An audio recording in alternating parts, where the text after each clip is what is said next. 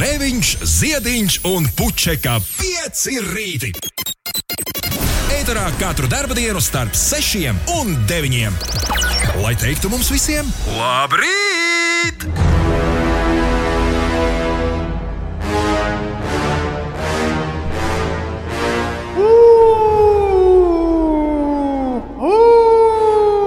Šito dzīvnieku gan jūs gaudo? zināsiet. Šito dzīvnieku gan jūs zināsiet. Arta Wolf, tas tu? Skaidra lieta, ka tas Wolfa vīrs. Čau, eterbiedri, etera cilvēki. Labrīt, Art Wolf! Un tagad ej projām. Gulēt. Arts Wolfs šonakt piestrādāja, viņš visu nakti spēlēja.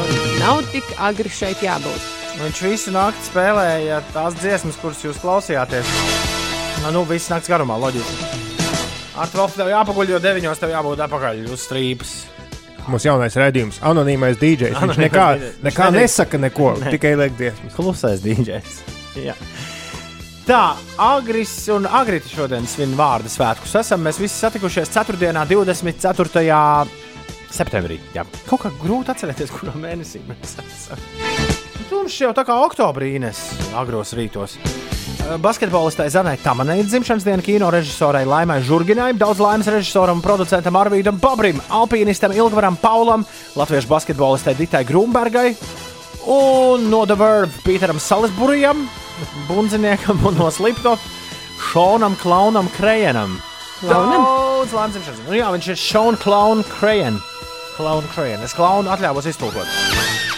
Pirms divām dienām uh, par godu ekvinokcijai ansamblis Fleet Foxes, tāda amerikāņu uh, hipija. Nevienam neko iepriekš nesakot, vienkārši par godu ekvinokcijai izdeva jaunu albumu. Un tas ir ļoti, ļoti jauks albums. Es to uzreiz. Es uzzināju šo ziņu desmit minūtes pēc tam, kad viņi bija ielikuši visos straumēšanas platformās to savu jauno albumu nolēma, ka nē, man ir jāizbauda šī. uh, Šī pasaulīgā globalizācijas lieta, un jānospiež play, un jābūt vienam no pirmajiem uz planētas, kas to plati noklausās. Un man liekas, ka, plat, ka kaut kas no tā arī ļoti labi iedarētos šeit rītos, arī uzsākot rītu.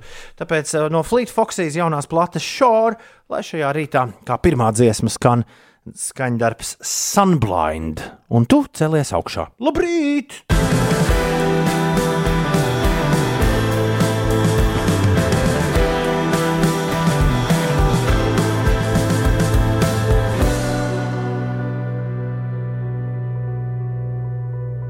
Flotas lapsas vai arī ātrās lapsas.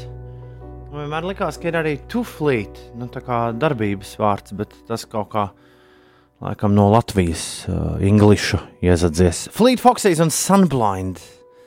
No brīnišķīgās plates šūra. Ja tev patika tas, ko tu dzirdēji, meklē to albumu rokā. Tas ir pieejams visur, kur ir pieejama albuma, izņemot fiziski, laikam, gan platēs diskos un kasetēs. To varēs dabūt tikai nākamā gada februārī.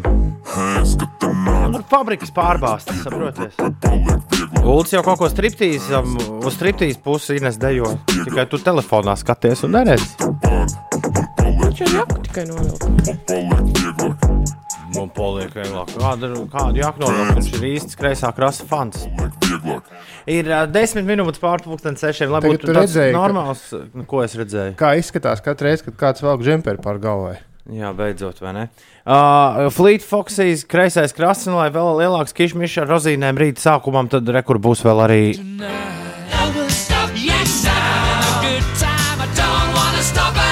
Tagad man mīļākā vieta, kur var pažāvāties.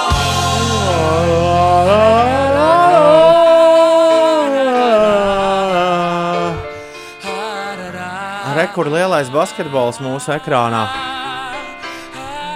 Izrādās, vēl nav lielais, vēl kaut kāda Nē, nu, konferences Konferenču fināls. fināls. Konferenču fināls. Jautājums, kurš kurš interesē, kurš vinē konferenci. Nu, Nu, respektīvi, Kā? tie pusfināli Tev taču normāli. interesē, kas spēlēs finālā. Alfredam rīktīgi interesē. Alfreds pārliecināts, ka tie, kuri tūlīt būs uh, visticamāk ar 3-1 zaudējuši, se- nevis nu, pagaidām zaudēs sērijā, jā, ka tie Bostonas Celtics ies uz finālu. Jā, bet nu, tātad šis ir pusfināls. Nu, normāliem cilvēkiem, kas nezina neko par NBA tur kaut kādām konferencēm. Jā. Šis ir tas, kur ir četras komandas, un Jā. tad būs divas. Jā, jā, jā, jā. No šīm būs viena. Šobrīd Bostonas Celtics spēlē ar Miami Heat. Rekur 5 punktu starpā, 9 sekundes palikušas. Bostonā meta sodiņus. Uh, iemet vienu, tātad 4 punkti jau vairs tikai deficīts. Un tad viņam uzreiz būs kaut kā jātaisa vēl viens tas, sots. tas labs jautājums. Cik var, uh, cik var nospēlēt? Es domāju, ka pēc sodiņa viņi cer palikt turpat uz vietas. Ne? Nā, nē, Ā, viņam vēl trešais. trešais. Jo citreiz jau to trešo met tā, lai Es teikšu, ka arī neiemestu. to Skaties, viņš, trāpīs. viņš metīs speciāli tā, lai Ines, Ines neiemestu. saka, ka trešo arī trāpīs. Tā Es saku, speciāli metīs garām, lai kāds cits noķertu. Nu, labi. Trāpa un noķer. Nevarēja saprast, kas noķer, bet. Uzšādi došana par rokām. Ska- Vai, ā, paņēma. pa- pa- Jā, tā ir monēta. Paņemt. Divi tā grūti komentēt. Ines, Jā, pastāst mums par to, kā temperatūra rekordi krīt. Nu, labi, sāksim ar to. Šodien Latvijā gaidāms saulains laiks. No dienvidrietumiem palielināsies mākoņu daudzums, vietām kurzemē, kurzemē iespējams īslaicīgs lietus. Un arī šodien gaisa temperatūra varant silta plus 20, plus 25 grādi.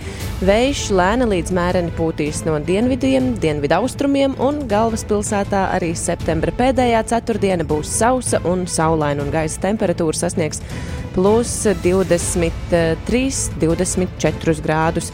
Un saskaņā ar Latvijas vidas geoloģijas un meteoroloģijas centra datiem 24. septembra nacionālais siltuma rekords ir 24,9 grādi, kas ir reģistrēti 20, 2015. gada Daugopilī. Nu, iespējams, šodien ir visas iespējas kādai no Latvijas pilsētām šo rekordu pārspēt. Jā, par basketbolu vēl joprojām rit uh, spēle starp Bostonas Celtic un Mia- Miami Heat. Pat labi, rezultāts ir 109 Heat. pret 107 Heat labā. Un uh, tikmēr ir noslēgusies uh, Nacionālās hokeja līnijas trešā spēle starp Tampa Bay Lightning un Dallas Star cīņā par Stanley kausu, un to ir uzvarējusi Tampa Bay vienība ar rezultātu 5 pret 2. Un šobrīd sērijā līdz četrām uzvarām rezultāts ir 2-1 Tampa Bay labā.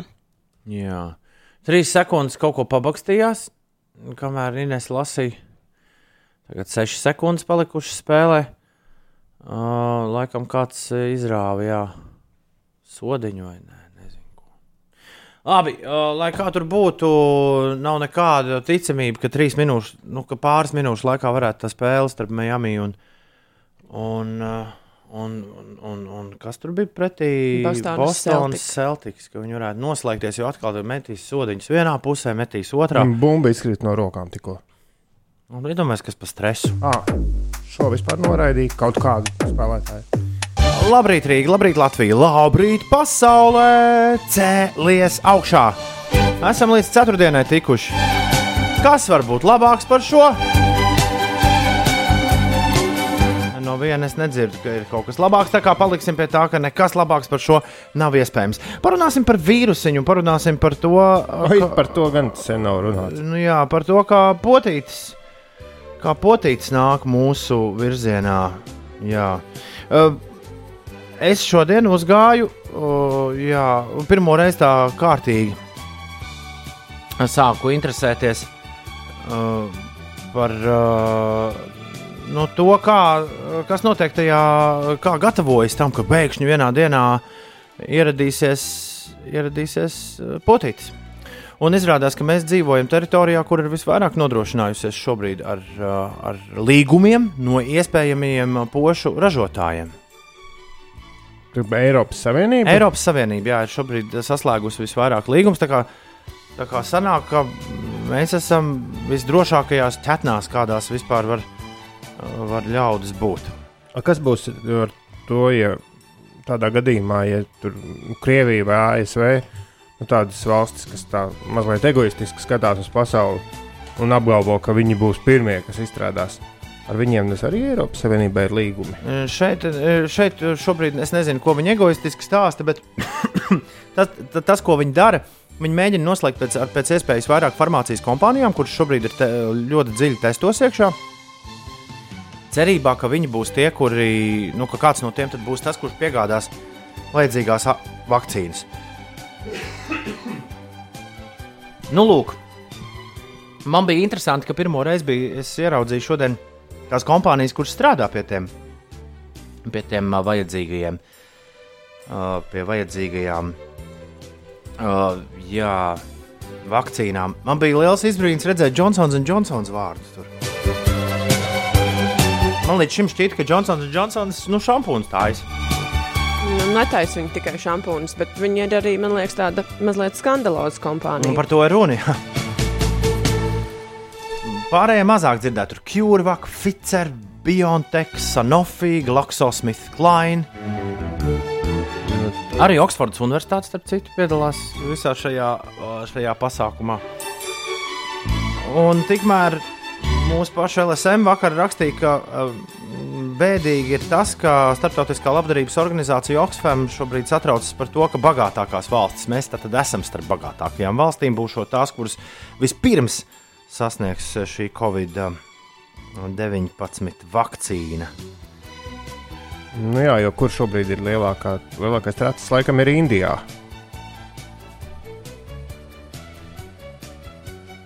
Šobrīd mēs esam atkarīgi no modeļa, kur farmācijas uzņēmumi, kuriem ir monopols un kontrole pār vakcīnu, zinātnē un tehnoloģijām, nosaka, kas tiek izstrādāts, kādi darījumi tiek veikti un cik tas izmaksās.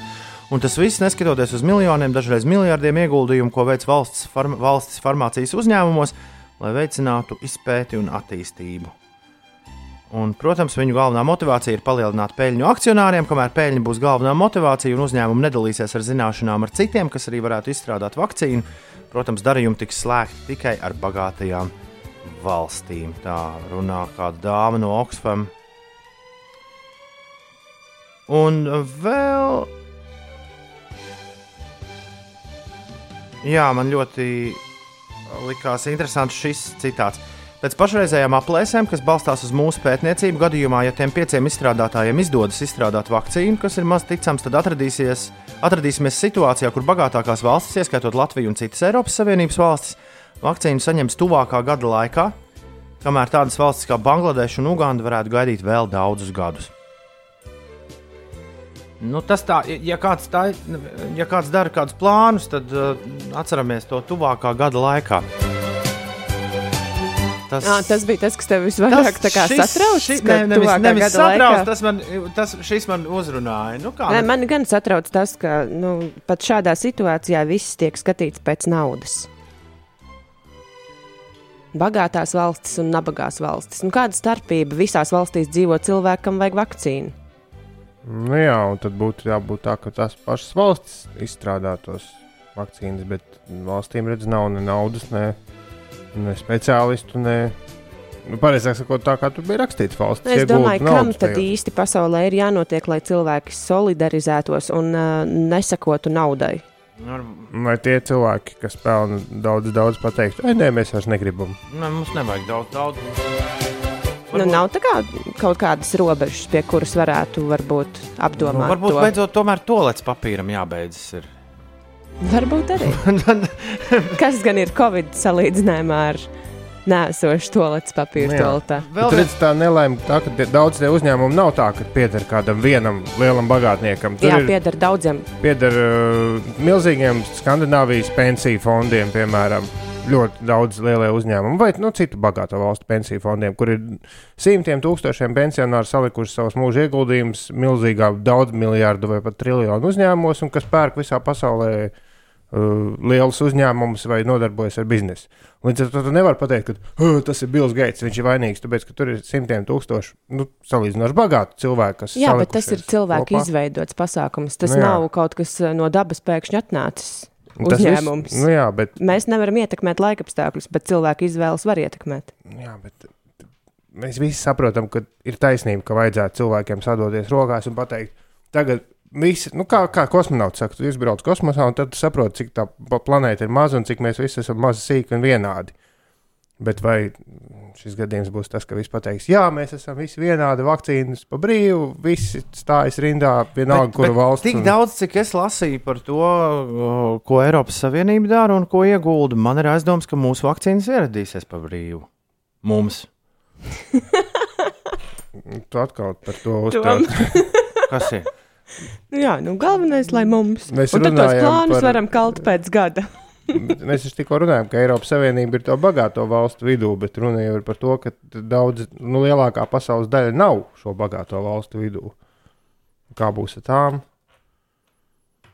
Nu, bet tad, nu, tur, tur mums kaut kādu tad vietējo Grētu Thunbergu vajag, lai, lai tā apļaustās par to. Rekuīnes jau sāk. Varbūt, jā. Bet, bet to, ka tas nebūs ātrāk par nākamā gada sākumu vai vidu vai pat beigām, to jau no paša sākuma teica. Un tā.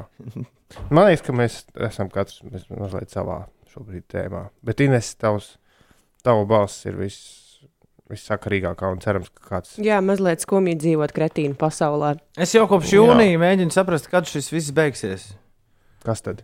Un, uh, un šādas ziņas nu, to ļoti labi parāda, ka nu, tik drīz tas nenotiks. Ar- Un, un, un sekas, jo kas tad cits būs? Ko tad cit, kas tad cits, ja ne bagātās valstis, tomēr kaut kādā veidā atradīs ar Oxfam, ar, ar Greenpeace un ar uh, citiem uh, tur, uh, šitiem UNICEF un Amnesty International atradīs veidu, kā arī nabagajām valstīm piegādāt vakcīnas. Vispirms, protams, sev, bet, bet pēc tam. Bet, uh, bet, bet skaidrs ir tas, ka ar Covid-19 sekām mēs uh, gadiem ņemsimies. Jā. Nu, es varu tikai ieteikt klausīties podkāstus. Un, Nevar Kā- būt. Ines Ulds, nu pat ieteicis klausīties podkāstus. un ļoti prātīgi atziņu izteica viens ļoti labs vēstures zinātājs un uh, nu, cilvēks, kurš izlasījis ļoti daudz grā vēstures grāmatu. Conan O'Brien ir tāds TV šovu vadītājs. Viņš teica, ka ļoti interesanti palasīt pēdējo tūkstošu gadu vēsturi, ka cilvēces, vē- nu, cilvēces vēsture ir pandēmija vēsture. Cilvēki vienmēr ir dzīvojuši no vienas sērgas līdz nākamajai. Mums vienkārši bija baigi paveicies pēdējos gadus, simts gadus. Interesanti, Nu, ka ko mēs- ir iemācījušies šajā laikā. Ne, nu, kaut kāda jau medicīnā attīstība ir. Pasties uz procentiem, cik ir saslimuši, cik ir gājuši bojā. Pasties, kā Ulds vienreiz rādīja, pasties, kā 50. gados 40 gadīgi cilvēki izskatījās un pasties studijā, kā, kā mūsdienās izskatās. Nē, bet tā morāla ir tāda, ka Tu nu, domā, tas... ka tas ir medicīnas nopelns? Arī. Varbūt tas pārtikas nopelns, ko tādu. Arī pārtika var- jau arī- esot tagad viss saka, šausmīgi slikti. Jā, jā. Nē, Nu bet stāsts tu- ir tāds, ka tas mūsdienu izlaiž. iekonservējies tā Pateikt vienreiz. kā dārzenis veikalā. Nu, Nē, ka tas mūsdienu cilvēks Toms ir ļoti labs piemērs. Ir pārsteigts par to, ka kaut kas tāds ir noticis un gaida, ka tas beigsies. Bet jebkurš, kurš pēta vēsturi, saprot, ka tas nav nekas negaidīts. Un ka tas nekad arī tā īsti nebeigsies, jo tur būs nākamais. Nu, tas nav kaut kas tāds, kas mums ir uzkritis uz galvas, negaidīt. nē, nu jā, tādā lielā mērogā Nu jā, skatoties, nu, nu, bet savas un- dzīves ietvaros skatoties, tas ir priekš- kaut kas jauns nu, un nepieredzēts. Ir, ir mirkļi, kad gribas nokāpt nos no šī globālā vērotāja pozīcijas, Ulu, un padomāt, Nu, tas, ir Hei, ta, tas ir kas ļaunākais. man ko- Ulim Ziediņam uh, vēl atlicis šajā dzīvē. Tas ir tas, ko šī pandēmija ir izvilkusi. Cilvēki patiesībā izrādās ārkārtīgi egoistisks būtnes. Izrādās. Nu, jā, pārsteigums, vai ne? Nezinu, katru gadu ap Ziemassvētkiem es pārliecinos par pretējo. Hey girls, Nav tālu. Tā kā par šito mēs varētu plūkties vēl ilgi un dikti. Bet mēs to nedarīsim. superstar Mums darbā piedāvā jau par brīvu vakcinēties. Kāds jums ir ievests tāds Paštaisītu vakcīnu. Boys, Jā, viens, kas prasa, pasakiet, godīgi, jūs vakcinētos, ja rīt pateikt, ka ir vakcīna. Es pieļauju, ka mūs novakcinēs bez eh, jautājumiem. Miegā, Ko tad? miegā. Ar droniem. Es iepriekš par to tolēdz papīru Inês teicu, ka tāpēc, ka Lielbritānijā, kur atkal ir jauni ierobežojumi, atkal cilvēki sāk stāties rindās pēc, pēc pirmās nepieciešamības precēm un veikalos veidojas šur tur baisi skati, baisi skati veidojas. Un Islandē ir veikals. Uh, veikalu galvenā supermarketu ķēde ir izdomājusi, ka viņi paši, lai, lai cilvēkos neviestu paniku, viņi jūt, ka viņi var uh, paši noteikt lietas, un viņi neļauj cilvēkiem vairāk kā vienu ruļļu iepakojumu nopirkt. À, es domāju, ka paši ražo. Un nevis tāpēc, ka esot kaut kādas problēmas vai deficīts, bet viņi saka, tāpēc, ka nav ko celt paniku. Un man liekas, ka ja veikals tev, jo šis ir jauns pieejams, ka veikals tev to pasaka. Ja tu esi ej uz veikalu, noteikti pirkšu. Un, ja nu mēs tev veikalā stāv liela zīme, klausies, panikai nav nekādas vajadzības. Jā, bet ja man jānopērk arī kaimiņam un vecmāmiņai, tad tie jau ir trīs tu i- iepakojumi, un tad tad man tu- tad trīs tu reizes jānāk tad- uz veikalu. Jā, tad tu izēji ārā un atnāc atkal vēlreiz iekšā. un tad ielēji vēl. Bet, ja nu veikals tūlīt uz pusgadu aizslēdz ciet, Nu, kas tad, tad, kad tad, kur tad to tu esi dzirdējis, ka veikals Nē, nu? Kur tas tā aiztaisīja? Kāds ir tas domu gājiens tiem cilvēkiem, kas pērk? Kā kāds? Nu, kāpēc pērk to daudzo? Es, piemēram, pērku daudz tolīdz papīra, tāpēc, ka, nu, nu, kāpēc iet regulāri pakaļ tolīdz papīra? daudz. Nu, To, jā, to arī, bet uh, kāpēc iet pakaļ viņam bieži, ja tu vari aiziet reizi mēnesī un atnest uzreiz? Nē, nē, bet kāds ir doma gājiens, kāpēc pavasarī un tagad Lielbritānijā cilvēki paniko? Nu, kā, nu, vienkārši mēģināt izdomāt, kāds ir cilvēks, kas pielāda. Es jau arī Rīgā redzēju tādus, kam ir pilni ratiņi ar kaudzi. Nu, tie lielie iepakojumi, kur ir nevis 12 rūļi, bet 24 vai 36. Un tādi kādi trīs ir ratos ar kaudzi. Un, un tiem, nu, nu viens variants, protams, ka tas ir nu, kāda, nezinu, bāreņu patvērsmes pārvaldnieks, tad man ļoti kauns būtu, ka mēs tā smējamies. Bet no otras puses, Filozofi teiktu, Uldi, ka, uh, un, un, un būtu pārliecināti par to, ka mm, cilvēki dabā ir cerēt, ka viņš dzīvo kopā ar paudzi, kas pieredzēs pasaules galu. Tas ir kaut kā iekodēts, jo tā ir vienīgā iespēja, kā pierādīt to, ka tava dzīve nav bezjēdzīga. Jo tu būsi tas, kurš piedz, pied, piedzīvos, kā viss aiziet, aiziet pa pieskaņu. Tas ir izdevīgi. Nē, bet nu, kāda Bet tā tas ir. nu, Tāds tā ir domu tas gājiens. Tiem, nu, ja, ja tu gaidi pasaules galu, tad diez vai tu sag- sagādā labi daudz toaletes papīra. Nu, bet eh, tu, mm, daudz, daudz visās tautās un visos vecumos ir ļaudis, kur nopūš, saka, "Pah, nu, pasaules gals nav vairs tālu. Nē, bet tā doma ir, ka būt gudrākam par Pasa, citiem. tajā- pasaul, būt pasaules galu sagaidīt ar pilnu pieliekamu ar toaletes papīriem, tom, tomēr būtu patīkamāk. Kaut kādā cilvēkam šķiet nevis bez. Nē, tā doma ir, no, nu, atkal mēs nonākam tie, pie tā paša egoisma. Ka es parūpēšos vispirms par sevi. Nu, ja nu pēkšņi teiksim, ir trīs mēneši jāsēž mājās, tad man vismaz manai ģimenei viss būs kārtībā. Ja nu pēkšņi izbeidzas. Jo nu, vēl jau ir daudz, bet ja nu rītdien pēkšņi vairs nav, labāk nopirkt šodien sev. jā. Nu, tāds tas apmēram tas, tas, tas Labāk, punkties. labāk ej ārā mērķis uzspēlēt. Bet tad cetur... Jā, šodien Jā, ir jā, ir ceturtdiena. ceturtdiena. Ir jāspēlē bēdīgi slavenie mērķi. Toms jau visu laiku ir gājis ārā. Nē, nē, nē, Toms bija sviesta nāzis, un tad tu biji kaut kāds balvas kurpis vai kas tur vēl. Nu, Pagaidiet, Nē, tu biji jā. Bet Labi. tas bija pirms divām nedēļām. Mūlis tagad pamet studiju. Visu gaišu. Skots papīrs.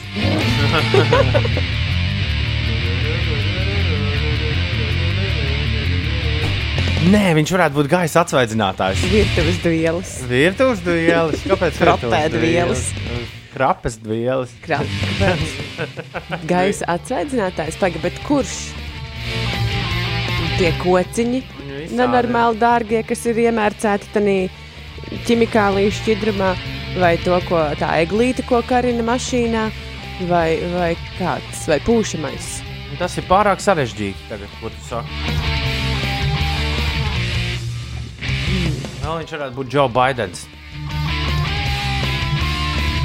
Neinteresanti. Viņš varētu būt Covid vakcīna, Džins raksta. To viņš uzminēs, man liekas, ļoti ātri. Mēs, viņš varētu būt tāda prece, kas, ir, nu, kas galīgi nav pirmās nepieciešamības prece un ko neviens noteikti neizķertu veikalā. Spainis. Kaut vai. Jā, nav raksts, lai viņš ir spainis.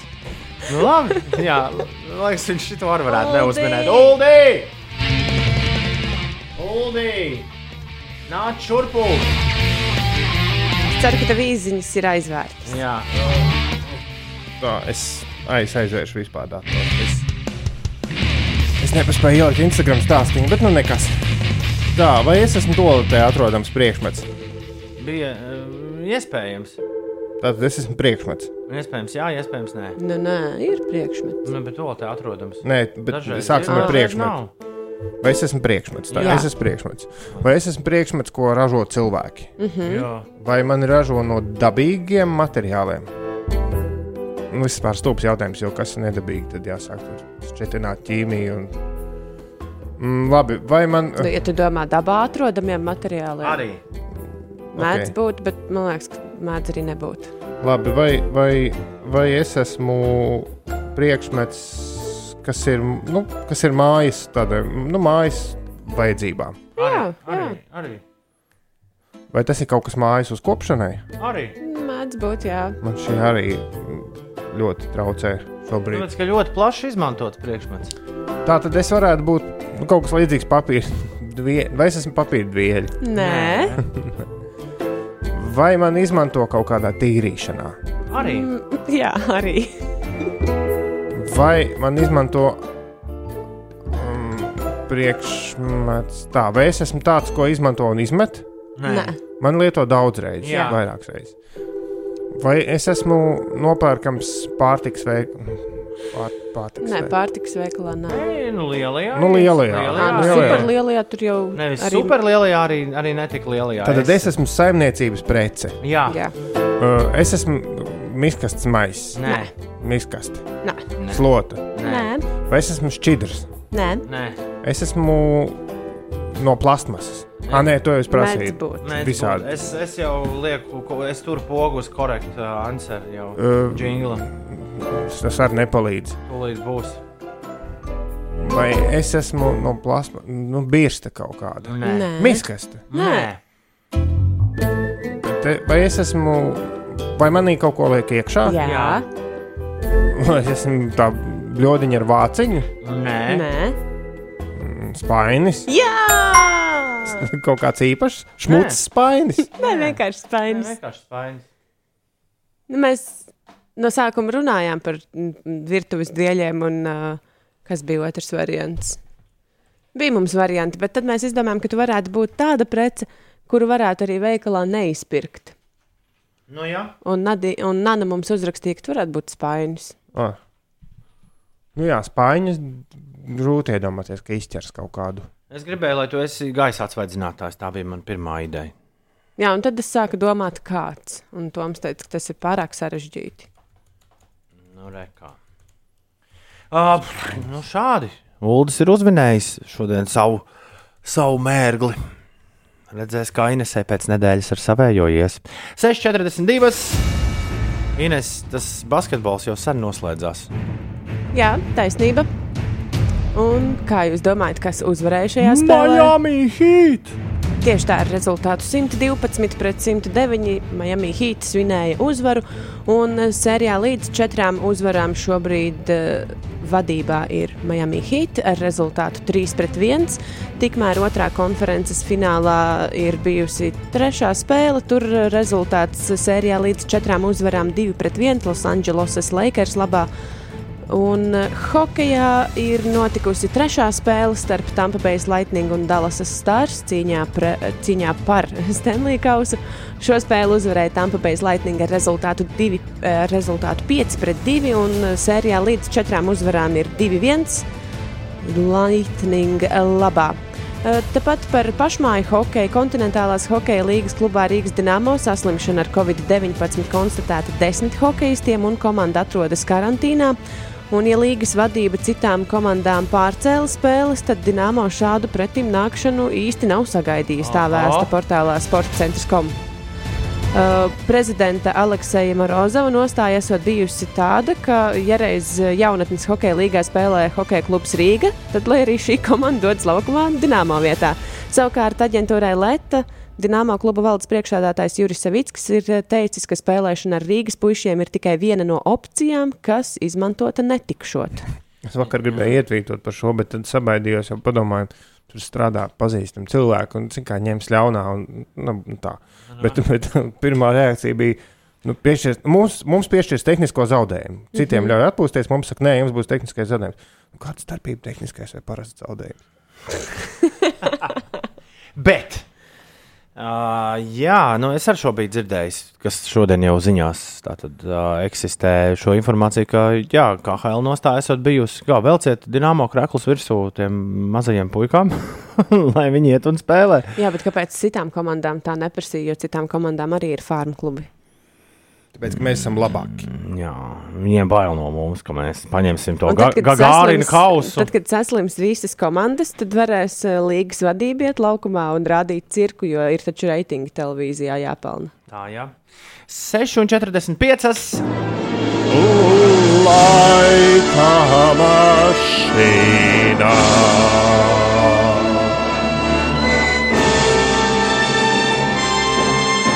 Laika mašīnā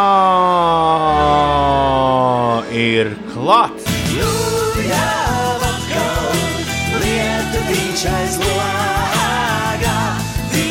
Dziesma daudz skan, brūļā atkal, sibēsies par ko, kāsit par kots bungas, pam, param, pam, pam. To vasar uh, pirms septembra, tajā vasarā es pēdējo reizi Rolandu satiku pirms avārijas. Un, un tieši viņa abi ar Ilonu arī spēlēja koncertu. Un, un šķiet, arī tajā skanēja šī dziesma, par kādu vasaru es runāju. Tāds ir jautājums, par kura gada. Mēs ar Inesu esam vienādās pozīcijās, jo divas no trīs dziesmām abi nesam dzirdējuši. Jā. Līdz ar to es, man vienīgais pieturas punkts ir tas, ka es biju balītē, kur Rolands ar um, Ilonu satikās.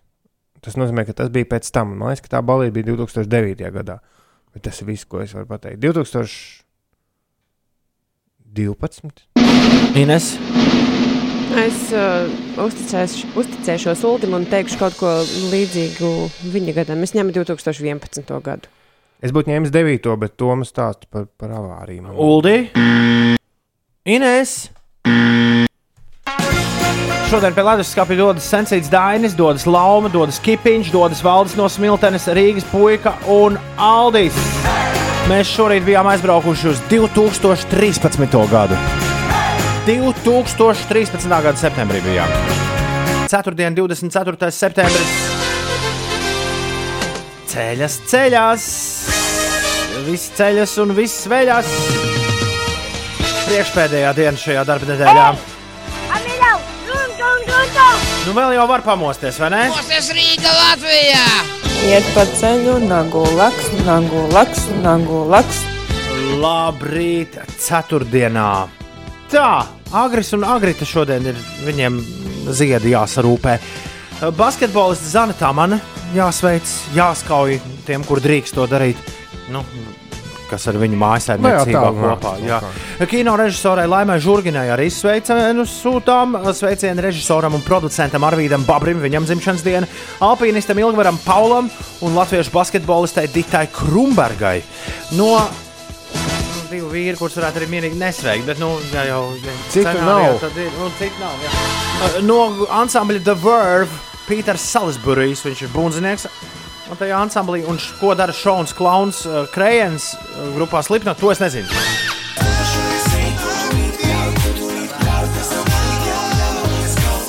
Labrīt, labrīt, labrīt, labrīt, labrīt, labrīt, labrīt, labrīt, labrīt, labrīt, visapkārt! Šeit Latvijas radio 5, 5 LV. Labrīt, sveicieni brālim Agrim vārda dienā, raksta Madeira, un brālim Normundam dzimšanas dienā. Paskat, kā Madeirai gadījies. Un Agris, kuram šodien ar pašam svētki, viņš vēlas apsveikt Agritu Garauču vārda dienā. Es atvainojos, Agritu Gauraču. Vārda dienā bučis, un lai šī diena izdodas. Paldies! Lūdzu, lasīju ziņu. Uh, varbūt Inês arī lasīja ziņu par to, ka uh, onkulis Bens vairs nebūs onkulis Bens. Nē, es eh, redzēju kaut kādu tvītu par to, bet uh, tas man uzmanību nepiesaistīja. Jā, pirmkārt, vairs nebūs melnais kungs redzams. Logo, jo tas tiek uh, uzskatīts lielvalstīs par uh, nu, saņēmis vairākas reizes kritiku, ka šis tur virsū uz viņu rīsu paciņām un mērcītēm. Un, nu, jā, un otrkārt, ne tikai kungs pazudīs, bet turpmāk būs Benz Original nosaukums. Tālāk. Jā. Tas tā kā tā Onda Džimaima, kas jau pagājušajā gadā tika. Kas ir Omģi Maima? Nu, bija diezgan liela ņemšanās sīrupi un arī ēdienu. ēdienu Ah, zīmoli. tā bija tā, kurai bija pankūku mīkla. Jā, jā, jā, jā. jā, jā. Jā, ui, kur tādas gardas pankūkas varēja no tās uztaisīt. Nu, kā, es šādas ziņas nekad nelieku interesantās ziņās, jo es zinu, ka šeit uz vietas ir daudz cilvēku, kuriem saka, ārprāts, ārprāts, šausmas, šausmas, kā tā var. Un savukārt citur pasaulē ir daudz cilvēku, kurus šis zīmols nu, kaut kādā veidā nu, viņi to uztver kā aizskarošu. Ar To, nu, Nu, Nē, nu, jebkurā gadījumā es vēlējos šo pieminēt tikai tāpēc, ka nu, nav. Pirms mirkļa mēs te runājām par, par, tu, par tur nabadzīgajām valstīm. Tā, es gribēju tomēr kādu saules stariņu ieviest Ines, nu, šajā dienā, ka nemaz nav tik slikti, jo šis ir tomēr. uh, Šī Jā, ir jo- maza uzvara. Jo rīsa paciņas iepakojumu nomainīt ir daudz vienkāršāk. Ah, vēl, vēl, vēl. Imitēt darbību. Klausies, Eģiptes Nacionālās avio kompānijas Eģiptē ir, ir jauki. Vispār ir forši uh, lasīt ziņas par avio kompānijām šajā laikā. Nu, bet, bet šur tur cilvēki lido, piemēram, no Eģiptes uz Londonu lido. No Eģiptes uz Londonu lidojusi šo arī nekad neieliktu interesantajās ziņās. Lidojusi dāma, kurai ir piedzimusi meitiņa lidmašīnā, Oh, kamēr viņi lidojuši. Kurā valstī tad sanāk, ka viņi ir? Ko viņi var saukt par savu? Laikam dzimteni? Vācija, jo pilots jau bija nolēmis tajā brīdī, kad ir dzimusi. Viņš jau bija nolēmis, ka jālaižas nost Minhenē, jo tur varētu paspēt tā kā uz slimnīcu. Bet nu nepaspēja. Piedzima, piedzima pirms tam, bet vienalga viņi nolaidās Minhenē.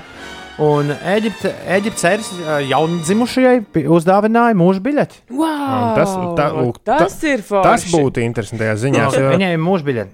Jo tu nevari iedomāties, cik šo te, nu jau septiņu gadu laikā, cik daudz ir bijušas ziņas par dzimšanu takšos, dzimšanu autobusos, dzimšanu lidmašīnās. Tā ir par to vienmēr raksta.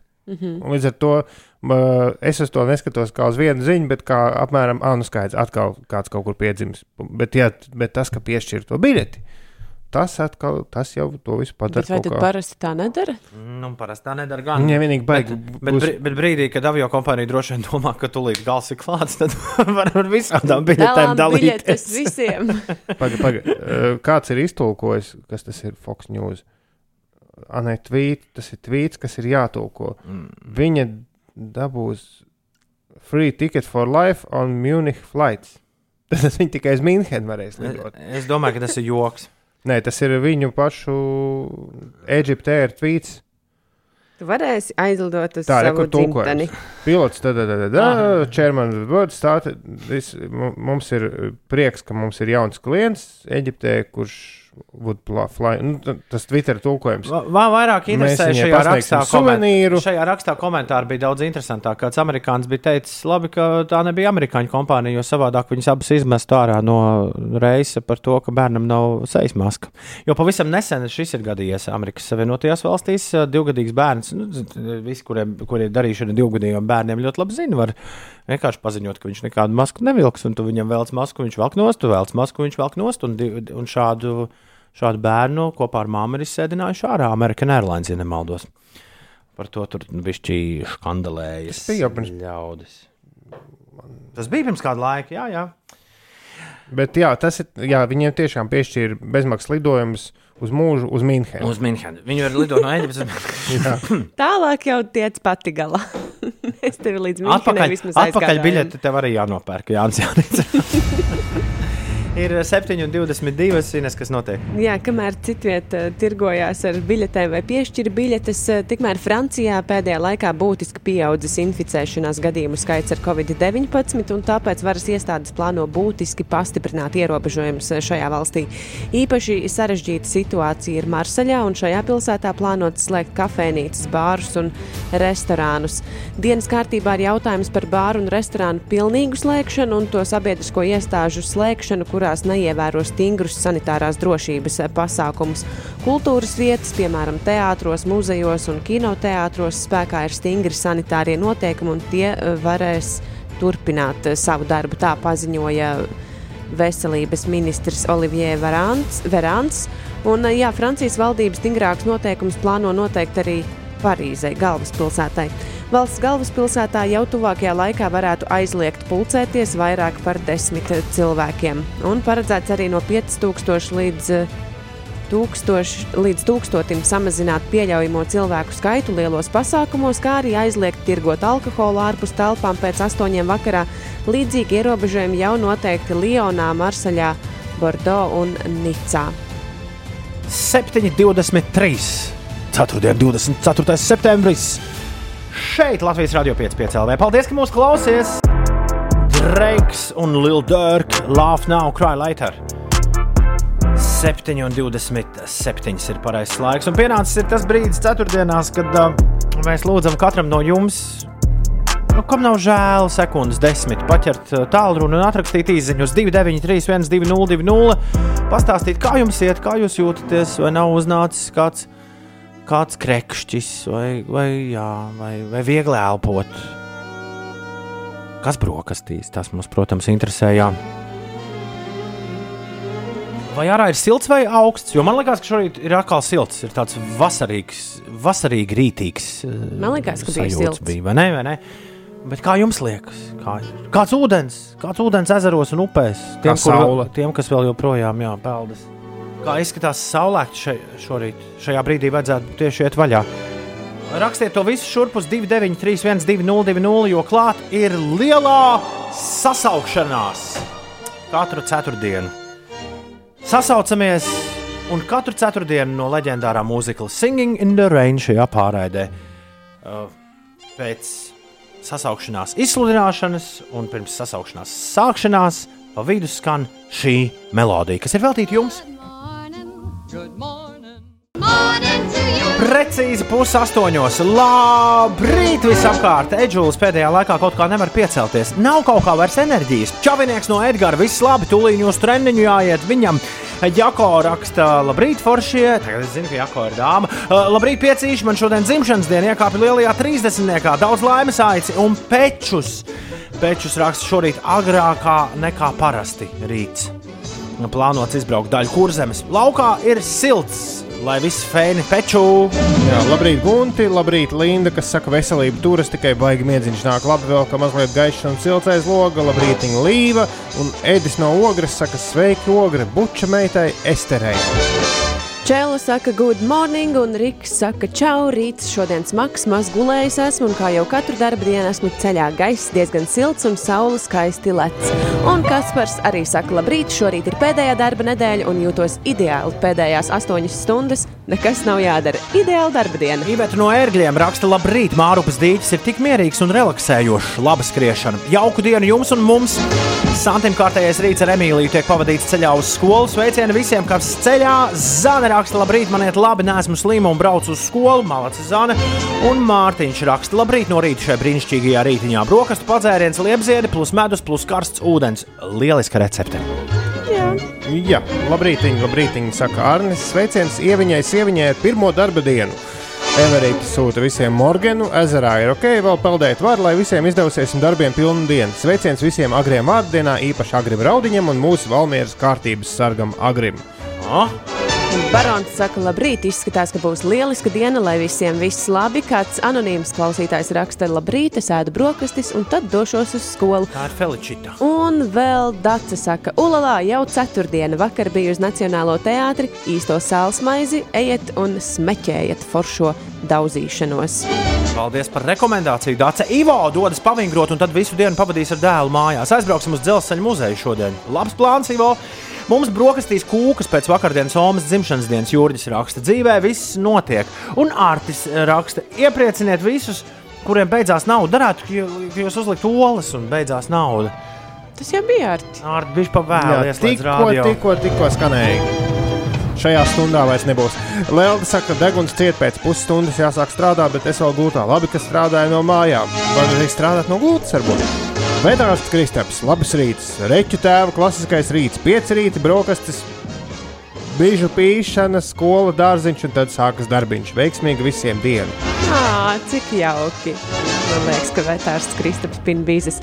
Baiva saka, labrītiņa. Divas dienas pavadīju konferencē un esmu ļoti, ļoti noilgojusies pēc ikdienas darba un kolēģiem. Ar lielu, lielu prieku pošos uz darbiņu, lai visiem kolosāla darba diena un arī Olita saka, silts, plus 15 vējains, tumšs un apmācies rīts, lai visiem saulaina vismaz noskaņojumā diena. Olita būs saulaina diena arī. Lai visiem laba diena. Man šodien pārbaudas darbs mūzikā, bet tāpat arī mūzikas skolā, tāpēc nebija jāmācās rakstīt. Un ā, Kaspars raksta. Labrīt, piecrīt. Viss ir labi. Saulīt uzlēkusi, auto līga un ripo Rīgas virzienā, un bērni ķer iespēju pagulēt ceļā. Uh, Kas var padot ziņu, kad viņi ir jāpamodina? Un čau, Sindija! Sindijai šodien dzimšanas diena. Diena noteikti būs lieliskā. Sindija, tev par godu, lai skan šis! Labrīt, degvielas salietas, ūdeņi paņemti. Var sākties ceļojums no Liepājas uz Piltenu un pēc tam vēl uz Vēncpili. Fēnu dienu visiem raksta Liepājas Jānis. Labrīt, Jāni! Saule ir super oranža dārza raksta. Laiks jauks, esmu ceļā uz darbu. Žēl tikai, ka kopš jaunā darbā esmu dzirdējis jūs pusstundu no rīta un pēc tam pusstundu Magnus laikā. Daudz mums var dzirdēt arī podkāstā, ja dikti gribas. Mēs esam bez dziesmām, viss, ko mēs te sarunājam no rīta, ir katru dienu pieejams. E-punkts uz Slipsvītra podkāsts.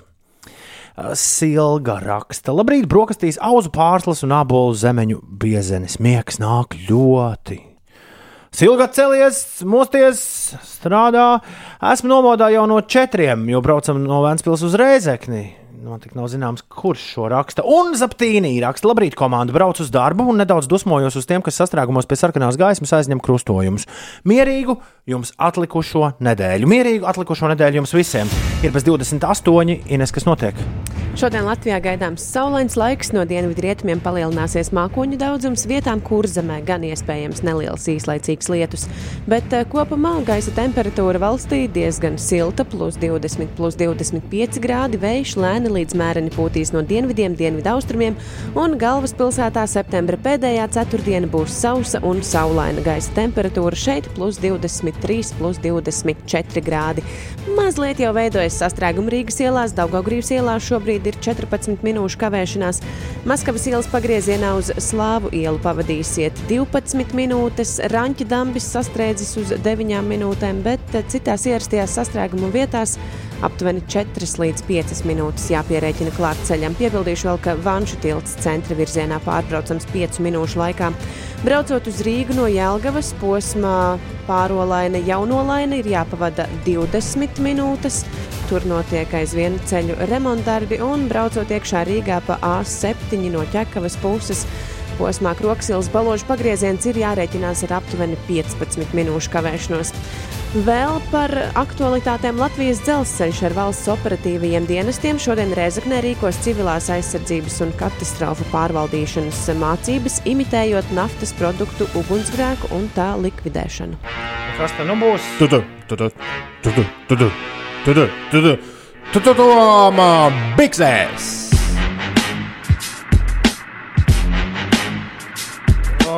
Pasaka vēlreiz, Tombijs. Tomā! Tomā biksēs! Ah, tā, šis bija tā kā vajag.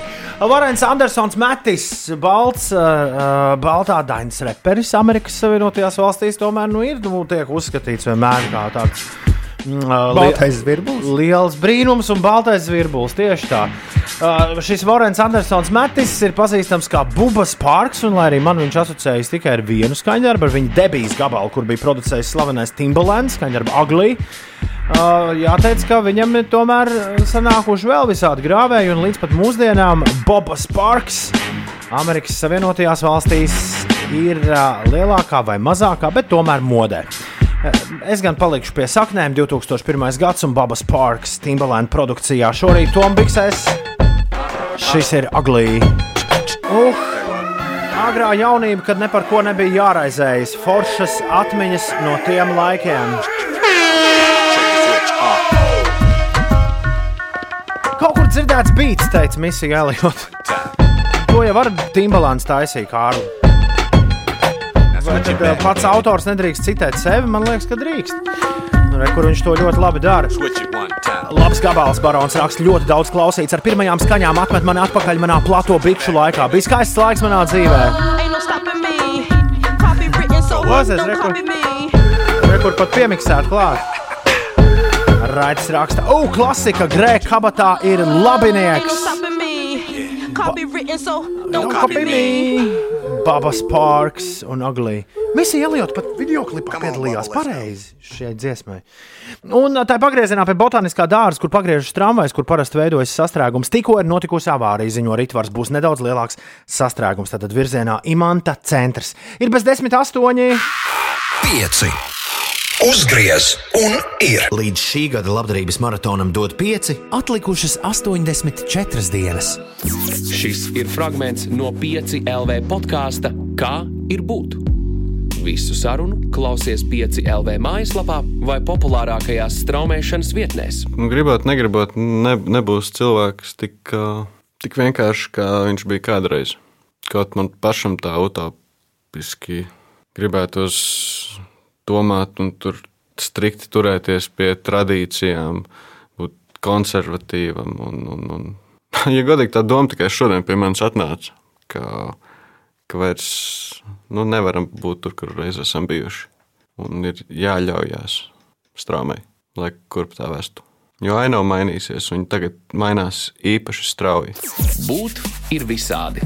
Trauksmaini, cerīgi, dīvaini, juceklīgi un ļoti skaisti. Sarunas par būšanu klausies podkāstā Kā ir būt. Jauna epizode katru pirmdienu, 5 LV mājaslapā un populārākajās straumēšanas vietnēs.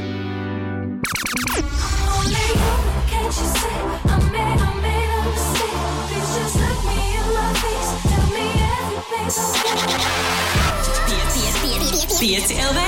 Uzgriez un ir.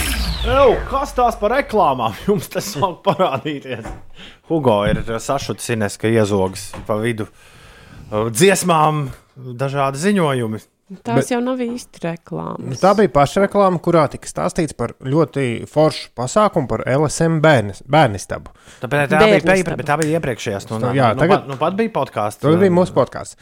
Un, uh, ja pi, mēs piecēlē esam ļoti privileģētā stāvoklī, jo mums reklāma nav, tad uh, nu, es zinu, ka šis ir tāds radio virtuve, bet ja no nākamā gada reklāmas nebūs arī mūsu kolēģiem tepat gaiteņa galā un stāv zemāk, mm. -hmm. kur reklāmas ir diezgan daudz un aizņem lielu stundas procentu salīdzinoši. Mm -hmm. Tad nu, viens ir tas, ka būs kaut kāds jauns saturs, kam arī laikam ir piešķirta nauda. Bet otrs ir tas, ka man liekas, būs pilns ar pašreklāmām. Man liekas, ka mēs- Reklamēs krustām, mēs šķērsām. šķērsām viens, o- viens otru reklamēsim biežāk. Jā, tā kā sāciet, sāciet pierast. Bet eh, vismaz labā ziņa, ka tu vienmēr dzirdi, nu, vismaz mūsu gadījumā parasti tu dzirdi vienu. Nu, kaut kādu 30 sekundžu lietu, un tas ir arī viss. Nevis Jā. tur 4 minūtes pēc kārtas. Un Mēs pašreklāma, jau stāstam par sevi. Jā, un pašām savām lietām. pašreklāma vienmēr būs tev ieguvums, klausītājiem. Mm. -hmm. Tu nekad neteiksi, iztērē naudu vai, vai aizņemies naudu. Vai... Vai atdod naudu? Atdod atdod, naudu, atdod man naudu. 8 minūtes pāri pusdienam, 8. Nedod naudu! Pelni to! Iedod baudu! Pēc. Baudu mēs dosim tev 4. 24. septembrī. Cēlies augšā! Tas Rīga Latvijā! Jauna diena klāt! Un es jūtu, ka šī būs varana diena. Tas Rīga Latvijā! Savādāk nemaz nevar būt, ja agrim ir vārda diena. Šodien tiešām agrim ir vārda diena. Agrim un agritai. Agri gan! Oh. Zanai Tamanai, basketbolistē, šodien dzimšanas diena. Daudz laimes viņai, kino režisorai Laimai Žurginai, tāpat režisoram un producentam Arvīdam Babrim. Kur vispār Latvijas estrāde bez viņa būtu? Arvīd, paldies tev par, par visu. Jā, uzmini kaut ko. Alpīnistam Ilgvaram Paulam ir dzimšanas diena. Latviešu basketbolistai Ditai Krumbergai arī dzēna The Verve, bunziniekam Pīteram Salisburujam un no Slipknot Šauns, Klauns, Arī bundzinieks. Krejens, arī bunzinieks. Svin dzimšanas diena šodien bunzinieku dienā. Ivars raksta, ka bērnu skolā palaists, sieviņa jau darbā. Man vēl ilgais ceļš uz Rīgu. Priekā un aiziet visas brīvdienas dabā. Jā, jā, jā. Un uh, kā es šo varēju palaist garām? Kur tas ir rakstīts? Kur tas ir rakstīts? Scenārijā astoņos. Nu, es esmu septiņos. Tagad es tikai astoņi. Tagad ir jābūt astoņos šajā vietā. Uh, Emīlijai Norai šodien ir septiņu gadu dzimšanas diena, un mums ir Emīlijai Norai jānodzied uh, dziesma. Emīlija Norā. Būs nedaudz, nedaudz skumīgi tā dzimšanas dienas dziesma, bet ņem par labu. Tomēr dziesma ir un paliek dziesma. Augstu laimu un prieku no sirds vēlējām. Augstu laimu Emīlijai Norai septiņu gados vēlējām. Lai zied rozes, lai zied mēģes, tavā dzīves dārziņā. Jā. Un jau labs- skoliņā, jau skoliņā, Jau jau skoliņā. piedod, ne dārziņā. Lai šodien tev viss izdodas, Emīlijā. Miers. Uldim tikko gandrīz, jā, tavam vārdu brālim, Uld, sanāca gandrīz izgāzties. Es no paša rīta nosaucu datumu, šodien, 24. septembrī. Un Uldis nodomāja, ka viņam liekas tāds svarīgs datums. Un tad es tikko teicu, ka dzimene ir kaut kādai zanai basketbolistei. Un, un uh, es pie tam teicu, ka nevis kaut kādai zanai basketbolistei, bet zanai tamanai. Un tad atcerējos, ka manu sieva arī sauc Zani, un mums šodien ir kāzu gada diena. Upsi. Bet, nu, Cik labi, ka- vēl var izglābt. Cik, nē, cik labi, ka paspēju apsveikt pirmais. Apsveicu savu sievu no visas sirds un zinu, ka mums vēl daudzi gadi ir priekšā. Nu, rekā. Sandrs sveica agri no rīta, agrītas mostas un pankūkas top, un tad jau man liekas, ka viss ir kārtībā. Un Murkšķis prasa, vai ir zināms šī gada labdarības maratona dod pieci ziedošanas mērķis vai, vai, vai temats, par ko tad mēs runāsim. Zināms ir, es varu tā teikt, zinu, Ū. bet, zinu, bet neteikšu. Nē, bet, ā, ja godīgi, tad ā, oktobra sākumā ir plānots, ka jūs to uzzināsiet. Tā kā sekojiet līdzi un uzminiet, kurā raidījumā jūs to uzzināsiet. Piecos rītos? Un cik būs pulkstenis. Hmm. Liekas, kaut kad tieši ap šo laiku, kādā no darba dienām. Bet liekas, pat šobrīd plāns ir, ka tieši ceturtdienā arī, arī tas tiks. ā, Jā, 8. oktobris tika Tas minēts. tiks zināms, bet ir liels prieks, ka ņemot vērā, ka ir daudz dienas palikušas vēl līdz dod pieci. Liels prieks, ka jūs jau sākat par to domāt. Tas ir, tas ir bezgalīgi forši. 8,22 Ines, kas notiek?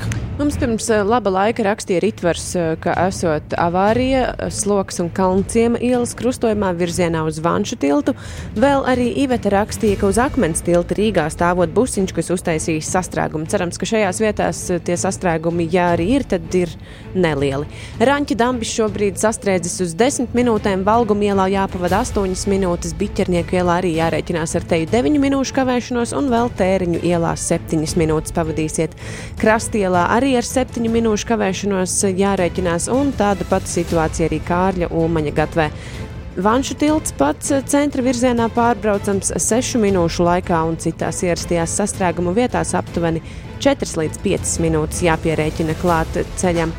Par eh, situāciju citvietā, piemēram, uz autoceļa A8, braucot no Jelgavas uz Rīgu, šobrīd ir jārēķinās ar aptuveni, ui, man pazuda mazliet karta. Bet eh, šajā vietā ir jārēķinās ar 15 minūšu kavēšanos. Tas ir posms no pārolainas līdz eh, jaunolainai. Un braucot iekšā Rīgā ierastajā sastrēgumu vietā pa A7 kroksilas balošu pagrieziens, tur 17 minūšu kavēšanās.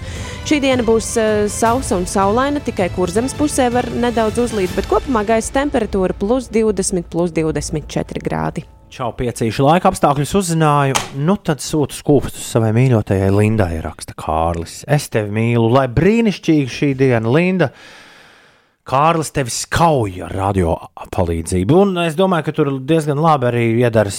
Nu, vai neiedaras? Par to, par to spriežiet paši. Žanēlis Monē, jaunais gabals, Turntables. Uh, Inês, Jā, es gatavu klausīties ikrīt dziesmu? jā. Jautājums ir tikai, vai, vai Ulas ir pabeidzis pantu? Jā. Jau labs. Šis bija viens no ātrākajiem pantiem. Mēs burtiski uzmetām pantu uz, uz, uz, nu. Uz Tā kā- krāsniņas. Tā kā, uzcepties. tā kā pankūku mīklu uzmet uz pānas, tā mēs uzmetām šī rīta, rīta dziesmu pantus. Un uh, sanāca mums tajā milzīgajā tempā šādi. Ir šobrīd laiks vēl silts un mierīgs, Ārā visai patīkami. un pēcpusdienās karstums spiedīgs. Jā, ja esi aizvējā. Bet drīz sezona klāt jaunā. Kāda tad? kam apkures, kam jālien raunā. Nu, ziemas peldēšanā. Ar roņiem. Šodien dziesmas krietnes klausīsimies. Tās mums sūta Sabīne. Dažādus viedokļus uzklausīsim. Nu, dziesmu tekstos. Pēc tam karbonādi uzsildīsim. Zivs vai gaļas? Un visādas pogas paspaidīsim.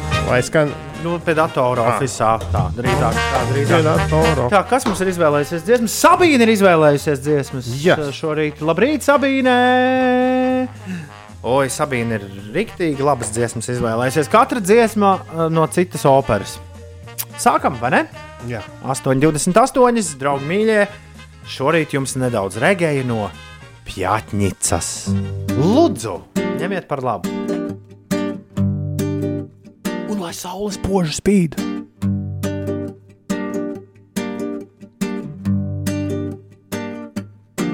Я не помню, как я родился на свет. In between the cover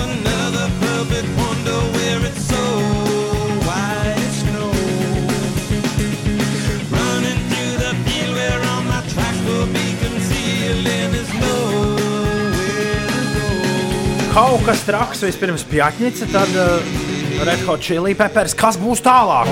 Mēs un Sabīne zinām atbildi. Jums vēl nedaudz jāpacieš. Labrīt, Sabīne! Labrīt! Sabīne, ko tu dari? Ceturtdienas rītā, 8.36. Uh, šodien tā interesanti. Krāpājas somas mazam pārgājienam. O, kur tā ies, kur tā ies? Stāstīja! Uh, tā ēdļa pusi izskatīsim. Apskatīsimies, kas tur labs. Kas tad tā, kas tad tā pa tādu kārtību, ka ceturtdienā šitā te var laiskoties? Ko? Uh, jāizbauda, jāizbauda siltās dienas atvasara. Klausies, ja tev visu dzīvi būtu iespēja, nevis būtu iespēja, bet būtu tā kā jāstaigā vienās kurpēs, kādas kurpes tās būtu? Es domāju, kurpju veidu, ko tu izvēlētos. Mm -hmm. Pārgājienu droši vien.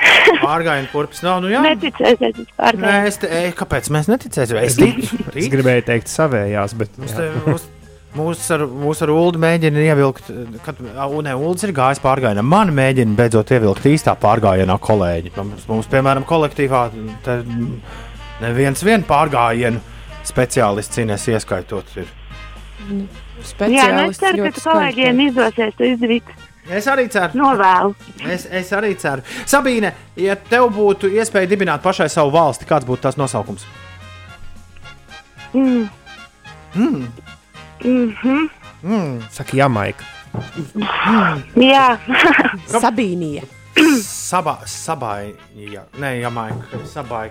Nē, klausies, kāpēc tā pļatņica tur skanēja? Ļoti daudz ir uztraukušies. Nu, Um. klausītāji, daudz no prieka uztraukušies, daži neizpratnē. Nu, it īpaši tie, kur ieslēdz radio un pēkšņi tur dzirdēja, ka pļatņica skan.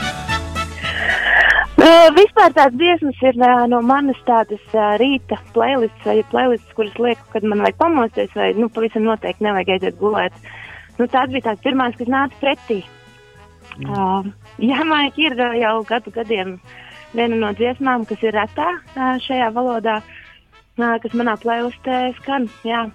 Jā, bet dziesma lieliski jau pamodināja mūsu visus Visi, studijā arī. absolūti, jā. visi pamodās. Jā, tur nav vispār nekādu, nekādu, nekādu ziņu. Uz peperiem kādreiz esi dzīvē bijusi? Esmu gan, esmu gan, protams. Tepat Rīgā, jā? Ja? Tepat Rīgā toreiz, kad bija ā, Tallinā, tad neaizbraucu un ļoti nožēloju un bija ārkārtīgi priecīgi, ka tomēr bija iespēja arī tepat. Jā, jā, un gan jau, ka. Tu, tu, tu, cerams, vēlreiz būs un vēl ar visu frustrāciju. Uh, Klau, tagad uh, ko mēs darīsim? Nelaidīsim, ko un kur? Uh, laidīsim mežā. Šodien īsti nav, nav atbilstoši, jā, jo es pati laižu mežā, bet uh, dziesma ir par to, ka bērnus nevajag laist mežā. Uh, arī, arī savā valodā viena no dziesmām. Nu, kā forši var viņai līdzi dziedāt, to arī visi darīsim. Paldies tev liels par rīta dziesmām, paldies, ka mūs klausies un paldies, ka iesūtīji savus rīta dziesmas, Sabīne. Jā, nu, paldies, ka jūs at atskaņojāt. Uzmanīgi, uzmanīgi ar tām klintīm ērgļos, ja? Tā, tā. Nu, skaties man. Jā. Atā, čau! Atā! Nelaid māte bērnus mežā.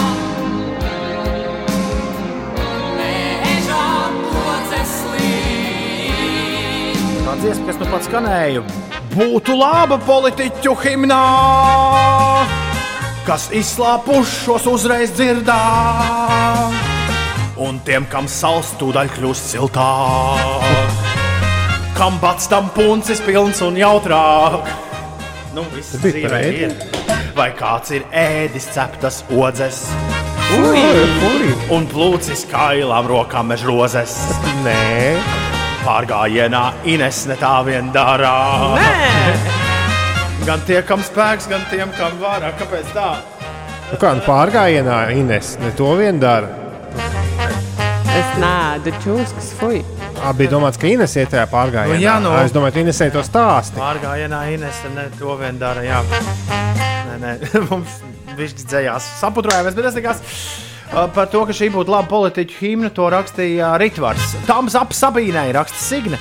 Šīs būs arī manas rīta dziesmas. Sen nebija sanācis ar jums no rīta kopā būt, un wow, kāda mūzika raksta! Vī! Un uh, vēl kāds Rena grib zināt, kādas procentuāli ir iespējas, lai jūs atskaņot manas dziesmas, procentuāli ja iespējas daudz. Atsūtiet savas mīļākās rīta dziesmas uz rīta at 5 LV. Pieliec klāt dziesmām arī sev vārdu un tālruņa numuru, un iespējams jau rīt Renā mēs pa dziesmu Reni laidīsim tavas mīļākās melodijas. Un klausīsimies tās visas kopā, kad būs rīta dziesmu tops.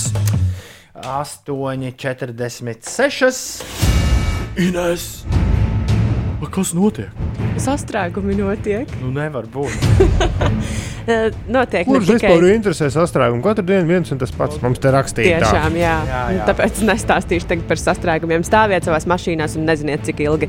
Nē, nē, Ines, stāsti, Slimību stāsti. profilakses un kontrolas centrs ir izstrādājis ieteikumus vecākiem un izglītības iestādēm, kā rīkoties gadījumā, ja bērnam ir akūtas elpoceļa infekcijas slimības pazīmes. SPKC to ir nodēvējuši par rīcības algoritmu, un tas nosaka, ka, ja bērnam novērot vismaz viena no akūtas elpoceļa infekcijas slimības pazīmēm, viņam ir jāpaliek mājās. Un te ir aprakstīti vairāki gadījumi, gadījumā, ja bērnam ir ķermeņa temperatūras paaugstināšanās vienlaikus ar citām pazīmēm. Savukārt, ja ir tikai eh, temperatūras paaugstināšanās bez pazīmēm, un, eh, un ja bērnam ir eh, konstatēts savs klepus, sāpes kaklā, garšas, nožas traucējumi vai zudums, vecākiem telefoniski ir jāsazinās ar ģimenes ārstu un jāpilda viņa norādījumi. Tad ārsts pēc nepieciešamības var noteikt bērnam veikt covid testu vai neveikt, un tad jau Izejot no šīs situācijas, ārsts, eh, pēc tam ar ārsta izziņu bērns var atkal apmeklēt izglītības iestādi. Jau ziņots, ka Latvijā pieaug mācību iestādēs atklāto Covid-19 gadījumu skaits, un pat labi inficētie reģistrēti piecās skolās, kā arī vienā augstskolā un bērnu dārzā. Ui! 8,47 minūtes. Labrīt! Šis ir vistraumētākais skaņdarbs šobrīd Latvijā. Viss kaut kur YouTube, Spotify un citur, kur cilvēks traumē mūziku. Internet money un lemonade. College girls give it in my raps. Kas par rudens smeldzi? Internet money ar Guna, Don Toliveru un NAV. Šis ir lemonade bez 10.9. Latvijas radio 5,5 LV kopā ar tevi. 4. 24. septembrī. Šis ir uh, šīs radiostacijas rīta šovs, kurš sauc Pieci rītī. Es esmu Toms Krēmiņš, rekurūts ziediņš. uh, Jā. Kurš drukā tik līdz kā rakstām. Viņš, tas, ko Ulds dara, kādreiz par rakstām mašīnu. Nu, rakst, Jā, Uldis mēdz pierakstīt arī to, kas runāts ir kuģu žurnālā. Viņš ir tā kā tiesās tās neesmu. dāmas, kas. Viņa bija rakstām pieraksta. mašīniste. Jā, tāds bija, tāda bija profesija. Vai tad? Tās, kuras sita visu laiku par rakstām mašīnām. Jā, man liekas, ka viņas sauc par rakstām mašīnistēm, vai, ā, vai arī, ja tam. ā, Ja šai, profesijai bija, ja šai profesijai bija cits nosaukums, atsūtiet to uz 293, 202. Bet tagad Ulas rakstīt beigas. Nu, es neesmu uzrakstījis, nepaspēju. Jo rakstītājs vārdos pārvērsts tiks steigts. Nu, tā blēzīs augšā. Interesantās ziņas. Tad liežam augšā. Mēs sākam ar labām ziņām. Uh, Zains Maliks, viens no One Direction vīriem, nu jau jāsaka vīriem, nevis zēniem. Tiešām vīriem ir Instagramā ielicis savu tetovēto roku, kurā viņš tur pavisam mazu un vēl netetoētu. Nu, kādu laiciņu būs netetovēta roku. Viņš raksta, mūsu, mūsu bebītis ir klāts. Mūsu meita ir klāta, viņa ir veselīga un skaista, un nav iespējams vispār aprakstīt vārdos, kā es šobrīd jūtos. Mīlestība, kuru es izjūtu pret šo mazo cilvēku, vispār nav aptverama. Ļoti labi, ka viņu pazīstu, ļoti labi, ka var saukt viņu par savējo, un ka mums ir priekšā visa dzīve. Zēns un modele Gigija Hadida ar īsiem pārtraukumiem ir kopā kopš 2015. gada, un garākais pārtraukums attiecībās bija 2019. gadā, kad abi nebija kopā gandrīz gadu, bet drīz pēc tam pasaule pāršāca ziņa, ka pāris atkal ir kopā, pēc tam gaida bērniņu. Un atliek vien novēlēt, lai tagad tas kopā, atsevišķi kopā beidzas. Jā. Un ir tikai kopā, kopā, kopā, kopā, kopā, kopā, kopā, kopā, kopā, kopā, kopā, kopā. Ne dienu bez dīvainiem pētījumiem un atklājumiem. Ja mēs vakar stāstījām, ka Covid-19 profilaksē varētu palīdzēt skābēt kāpostu un citu skābējumu un marinējumu. Jā. Un man liekas, ka tas rudens tirgus ražai nāks pa labu. Nāks pa labu šis, šis paziņojums. Mums vajadzētu šo stāstīt uh, skaļāk, Jā, vairāk un, un biežāk. Jā. Tātad skābēt kāpostu un citu skābējumu un marinējumu ir, ir šāds uh, britu zinātnieku uh, jā, pētījums, ka varētu palīdzēt Covid-19 profilaksē. Aizdomas tādas ir. Jā. Tad šodien, uh, un, un ja arī nav, tad tas pats slikti nenāks ēst vairāk marinējumus, es domāju. Šodien par diezgan nopietnu pētījumu par psihisko veselību, ko veikuši ASV un Dānijas zinātnieki, un kurā viena no atziņām ir fakts, ka ļaudis, kam patīk šausmu filmas, daudz vieglāk uztver un spēj pārdzīvot tādus dūlus laikus, kāda ir šobrīd.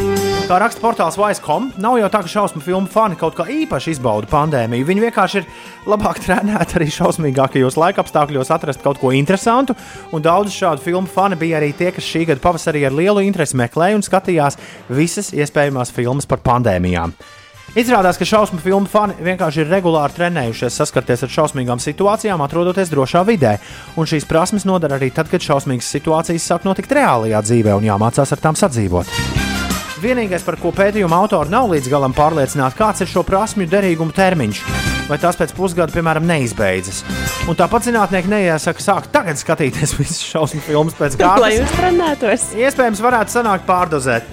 Un tiem cilvēkiem, kam šausmu filmas it nemaz neiet pie sirds, nav jāsatraucas, jo atslēga jau nav šausmu filmās. Kā norāda pētījuma autors, svarīgākais ir prast atpazīt to, no kā katram ir visvairāk bail un kas izraisa trauksmi, un prast šīs sajūtas pārvarēt. Klausies, klausies, klausies, klausies. Pamatīgas nepatikšanas draudu Ines slavenajam un vienlaicīgi arī anonīmajam māksliniekam Banksy. Tad viņš nav tas čalis no Roberta Delnāģa no Massive Attack. Vienu brīdi bija tādas aizdomas. Nē, tagad bija runa, ka kaut kāds bērnu raidījuma vadītājs. Tātad izskatās, ka viņš varētu zaudēt preču zīmi Banksy un līdz ar to arī iespēju aizsargāt savus darbus no to lietošanas trešajām personām. Kā tā? Šis ir dīvaini, ka viņš nav uh, reģistrējis, ka viņam, viņš nav izdomājis veidu, kā visu pieregistrēt. Nē, nu viņš, saka, viņš pats saka, ka copyright is for suckers. Ah, ok. Viss sācies. nu, tad lai netiek arī viņam. Viss sācies ar tiesas prāvu 2014. gadā, kurā Banksy pārstāvji mēģināja aizliegt kādam pastkaršu uzņēmumam izmantot, izmantot mākslinieka darbu Flower Thrower. Tas džeks, kurš met ziedus. Ja? Un kas tālāk, uz, līdz kam tas ir aizvedis, to Nē, pastāstīs. nu, svarīgākais ir tas, ka Eiropas uh, autor, nu, tas preču zīmē aizstāvju birojas, kā to nosaukt, ir pateicis, ka liela problēma ir anonimitātē. Ka viņš nevar, kamēr viņš paliek anonīms, viņš nevar uz sevi kā privāta persona. Tad šausmīgi garš tas teksts, ieberzos ar šo ziņu. tad, tad arī tie, kuri printē krēklus, to principā dara viņam neko neaizskaitot. Nē, nu, viņš ir teicis, ka var izmantot, kamēr tu vien ar to nepelni. Neko. Viņš, viņš neļauj. Nē, nu, es domāju, ka tie, kas printē krēklus, dara vai nu viņa uzņēmums, Bet vai arī mēs, piemēram, ne- kā, mēs, piemēram, kā nepelnītāji, varētu mierīgi savā Instagramā tur ar banksīgu darbiem darīt, ko gribam. Ja? Jā, jā, tā Ah, viņš ok. okay. pats ir teicis. Bet ar to pastkaršu firmu viņi tiesājās naudas dēļ. Un, un beig, beigās sanāk tā, ka, kama, ja viņš vēlas palikt anonīms, tad viņš zaudē šo preču zīmi. Lai šo preču zīmi varētu nostiprināt, viņam ir jāatklāj savu identitāti. A, Kāpēc viņam nevar būt kāda uzticības persona, kas ir ar identitāti? Nu, Uldis, Uldis, Es esmu ļoti dosmīgs, jo šis prasa vēl pāris stundas lasīt Pa- pa- pa- juridiskus Bet, bet dokumentus. Uldis palasīs juridiskus dokumentus, mēs par šo parunāsim rīt. Ja Uldis nepagūs palasīt līdz rītdienai, parunāsim nākamnedēļ. Kur problēma? Viss kārtībā. Nu, labi. Ir bez trijām minūtēm deviņi. Bija vi- Viss kārtībā, Jā, jā, es Ulu. visu Nemet, izstāstu. nemet to datoru pa gaisu. Šis ir labais. Tā kā smadzenes strādā no rīta, tas dažreiz ir vispār nu, neaprakstāms. Rakstām mašīna. Bet, Rakstām mašīniste. bet to lieto nevis rakstām mašīniste, bet mašīnu rakstītāji. Nē, viņa ir mašīniste. Klausies, klausies, klausies. Viena svarīga izziņas nenolasīja, ko tīrpa mums rakstīja. Klausos jūs darba dienās eh, katru rītu jau no februāra. Klausos arhīvā, jo darba diena sākas 9 no rīta. un Es vienmēr gribēju piedalīties lielajā sasaukšanās brīdī, bet līdz šim tas nebija sanācis. Īpaši liels paldies Ulim par manas pedantiskās sirds pabarošanu. Ik Oh. rītu es dievinu tos brīžus, kad viņš izpēta lietas un visu saliek pa plauktiņiem. Man pedantiskā sirds gavilē. Paldies par kopā būšanu no Alandu salām. Mums raksta tirpā! Super! Uh, labi, uh, bet tagad gan mēs sakām visu labu! Tā! Jo caur redzējumu!